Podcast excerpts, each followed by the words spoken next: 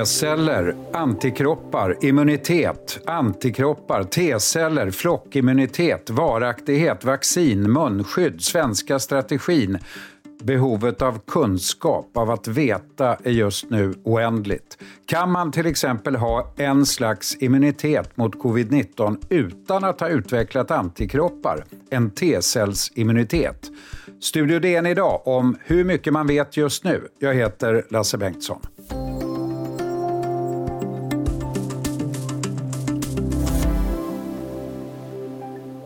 Ja, det kommer så mycket information om allt som rör coronapandemin att det är svårt att ta in. Dessutom svårt att veta hur man ska agera utifrån all ny kunskap. För att reda ut läget just nu tar Studio DN ännu en gång hjälp av Dagens Nyheters medicinreporter Amina Mansour. Välkommen Amina! Tack så mycket!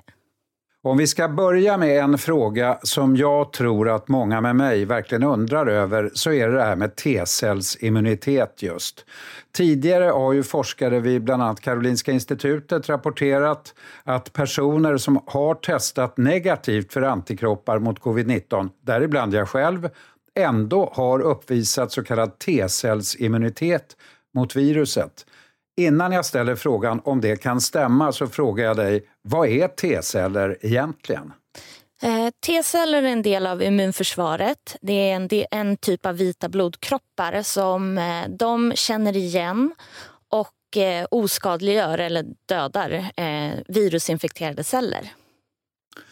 Kan det då överhuvudtaget stämma med T-cellsimmunitet mot corona? Så här säger professor Hans Gustav Ljunggren, Centrum för infektionsmedicin, Huddinge sjukhus. Det vet vi ju förstås inte.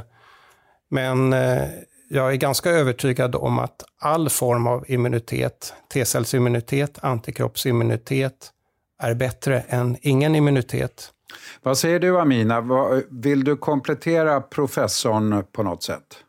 Ja, men han var en av de forskarna som eh, i somras släppte en studie som handlade just om T-cellerna. För att vi har fokuserat väldigt mycket på antikroppar som en del av ett skydd då mot det nya coronaviruset. Antikroppar eh, går ganska enkelt att mäta eh, i blodprov och eh, det är därför de har varit ja, men man kan göra den typen av studier. Men de här forskarna hade gjort lite mer avancerade labbstudier och då upptäckt att en grupp av människor som inte hade eh, något positivt PCR-test heller. Eh, så de hade inte någonsin testat positivt för att ha en coronainfektion då. Men de hade inte utvecklat antikroppar. Men en del av dem hade ändå ett T-cellsvar som var specifikt för det nya coronaviruset. Mm. Och då spekulerade de här forskarna då, eh, eller de, de sa att här, de här resultaten tydde på att en större andel av befolkningen kunde vara ha ett visst skydd eller vara immun mm. mot det nya coronaviruset även om de inte hade mätbara nivåer av antikroppar. Eh, och det har ju diskuterats ganska mycket. Så att det är ju det han diskuterar här. För att forskarna själva kunde inte bevisa med sin studie att mm. det här T-cellsvaret som de hade, att det betydde att personerna var immuna eh, mot en infektion. Nej, för, för det här fick ju rätt stor uppmärksamhet och många liksom började hoppas på något annat än de här antikropparna. Eh, ska man fortsätta och hoppas på det, tycker du? Alltså, jag, jag, tycker att har man ett negativt antikroppstest då ska man inte räkna med att man har T-celler eh, om man inte har ett positivt PCR-test någon gång. Eh, men, men man kan inte vara säker på, på det. Eh, och det, alltså det, det, är ganska komplicerat det här. Och det, för, för antikroppar och T-celler de hänger liksom ihop. Så det mm. kan vara så att personer har ett eh, väldigt låga nivåer av antikroppar som gör att de inte går att mäta. För alla de här testerna är inte superkänsliga om man säger så. De kanske inte kan fånga upp alla nivåer.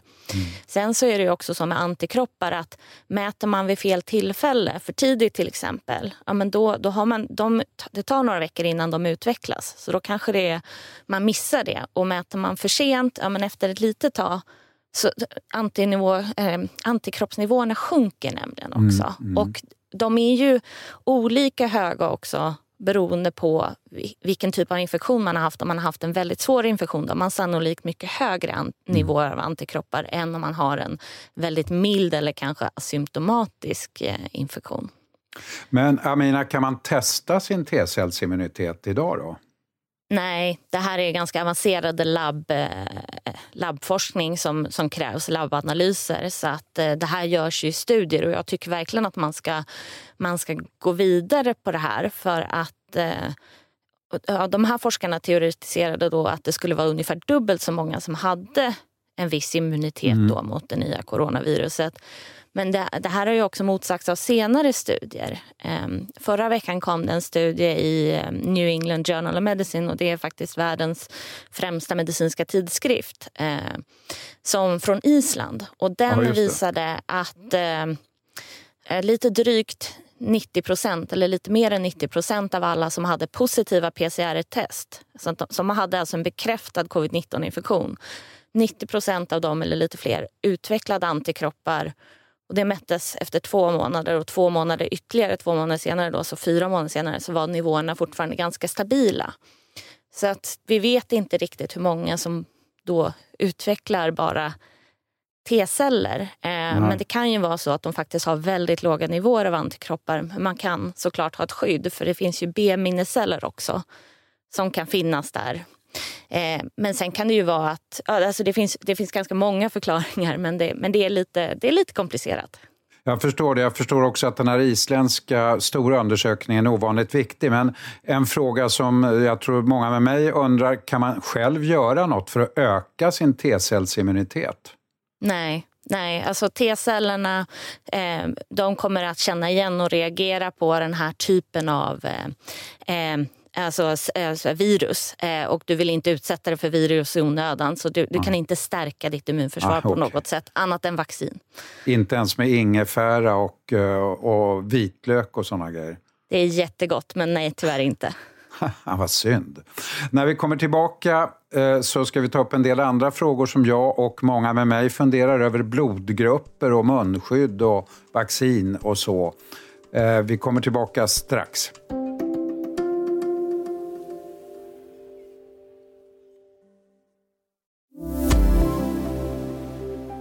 Ja, Amina Mansour, DNs medicinreporter, det här med antikroppar har ju blivit någon slags medalj nästan i dessa dagar. Yes, jag har haft det, hör man. Och så hör man också folk tala om blodgrupper som ett slags adelsmärke. Att speciellt eh, vad jag förstår blodgruppen 0 skulle vara extra fint att ha. Ligger det någonting överhuvudtaget i det?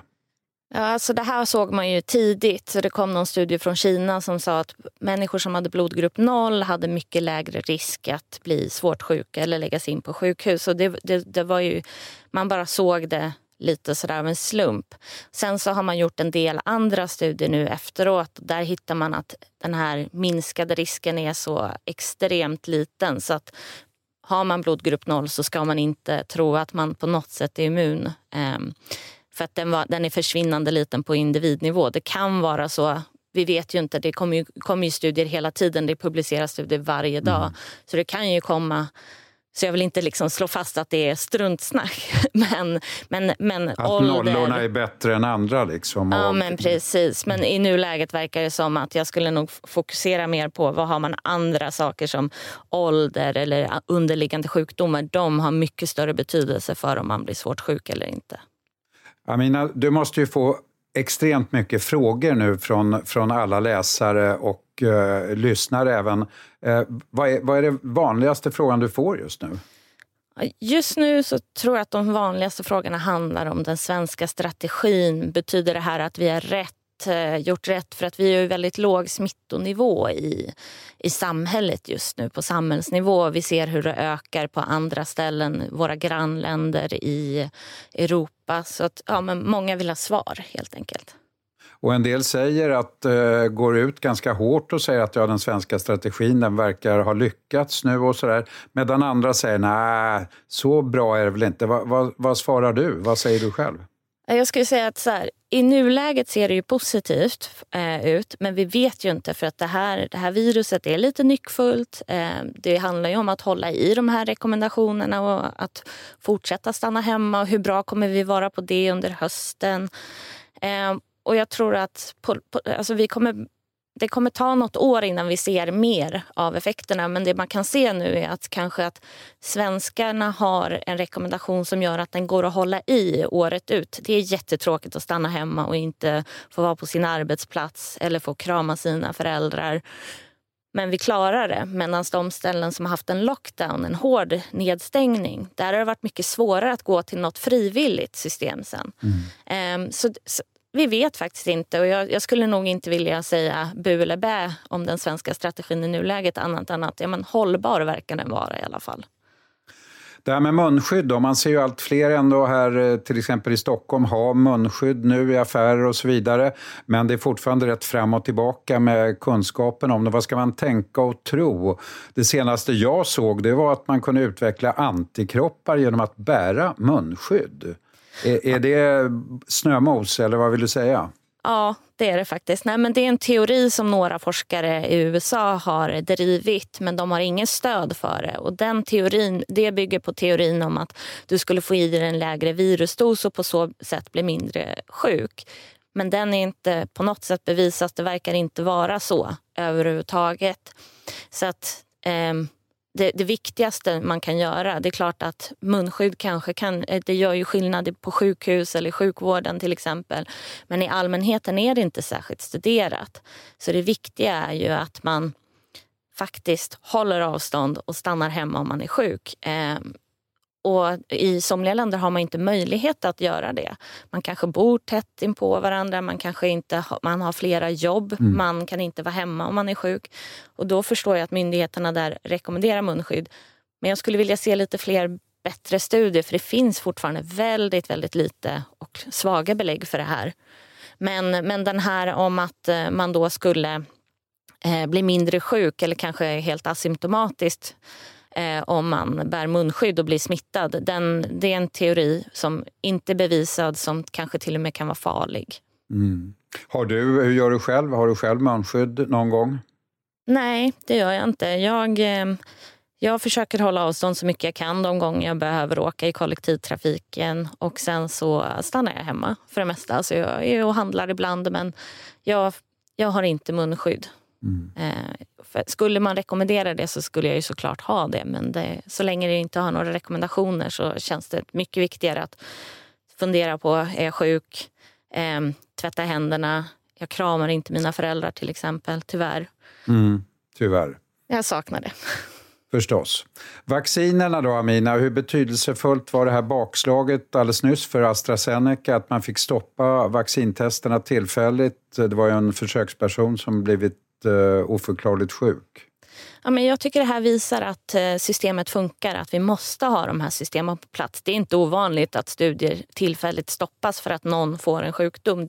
För att när man har så här många personer som i en studie, som nu, det ska vara 30 000, jag tror man har inkluderat 18 000 hittills. Då då, då, finns det alltid risk att det händer någonting. Att någon blir sjuk. Att, för vi är ju människor, vi blir sjuka ibland oavsett. Men då behöver man stanna det här för att utreda om det är vaccinet eller inte. Mm. Eh, men man utredde det här och sen har man kunnat starta det igen för man såg att det inte verkade vara kopplat till vaccinet. Så att det viktiga är ju att skulle upp, upp, eh, hända igen, ja, men då måste vi verkligen hålla koll på det här. Då kanske inte det här är det vaccinet och då kanske vi får vänta på ett och mm. vi behöver vänta på ett bra vaccin för vi behöver ha ett bra vaccin. Inte ett vaccin till vilket pris som helst. Ja, man får ju lite känslan att det här med vaccin kanske inte är en sån allomfattande lösning liksom som alla hade hoppats eh, från början. Utan att det här kan vara något vi får leva med ändå. Vad, vad säger du då? Du får lite gurufrågor här nu. Hur länge kommer det här att hålla på? Ja, den får jag alltid. Jag skulle säga mer än ett år till. Men har vi ett bra vaccin så, så, kommer det bli lättare att hantera. Har vi system som gör att ja, men det kommer bli lättare att leva med men själva viruset ja, men det är kvar för lång tid framöver. Men det är precis som du säger, det här med vaccin, det kommer inte lösa allt. Mm. Men så den avgörande frågan då för dig och din mamma och din släkt och för allas släkt, hur går det i jul då? Ja, vi får väl se, men jag tror att om vi har, fortsätter ha låg smittonivå i, på samhället i Sverige nu så då kan vi förhoppningsvis fira jul inomhus, bara vi kanske inte kramas och håller mm. lite avstånd. Mm. Försiktigt positivt. Tack snälla Amina Mansour för att du var med i Studio DN igen. Tack så mycket. Studio DN imorgon om de våldsamma dödliga bränderna i USA, miljöpolitiken, polariseringen mellan Trump och miljövännerna. Vilken påverkan på presidentvalet kan bränderna ha? Ljudillustrationer idag, podden Medicinvetarna. Studio DN görs av producent Sabina Marmelakai, exekutiv producent Augustin Erba, ljudtekniker Patrik Miesenberger, teknik Jonas Lindskog, Bauer Media. Jag heter Lasse Bengtsson. Vi hörs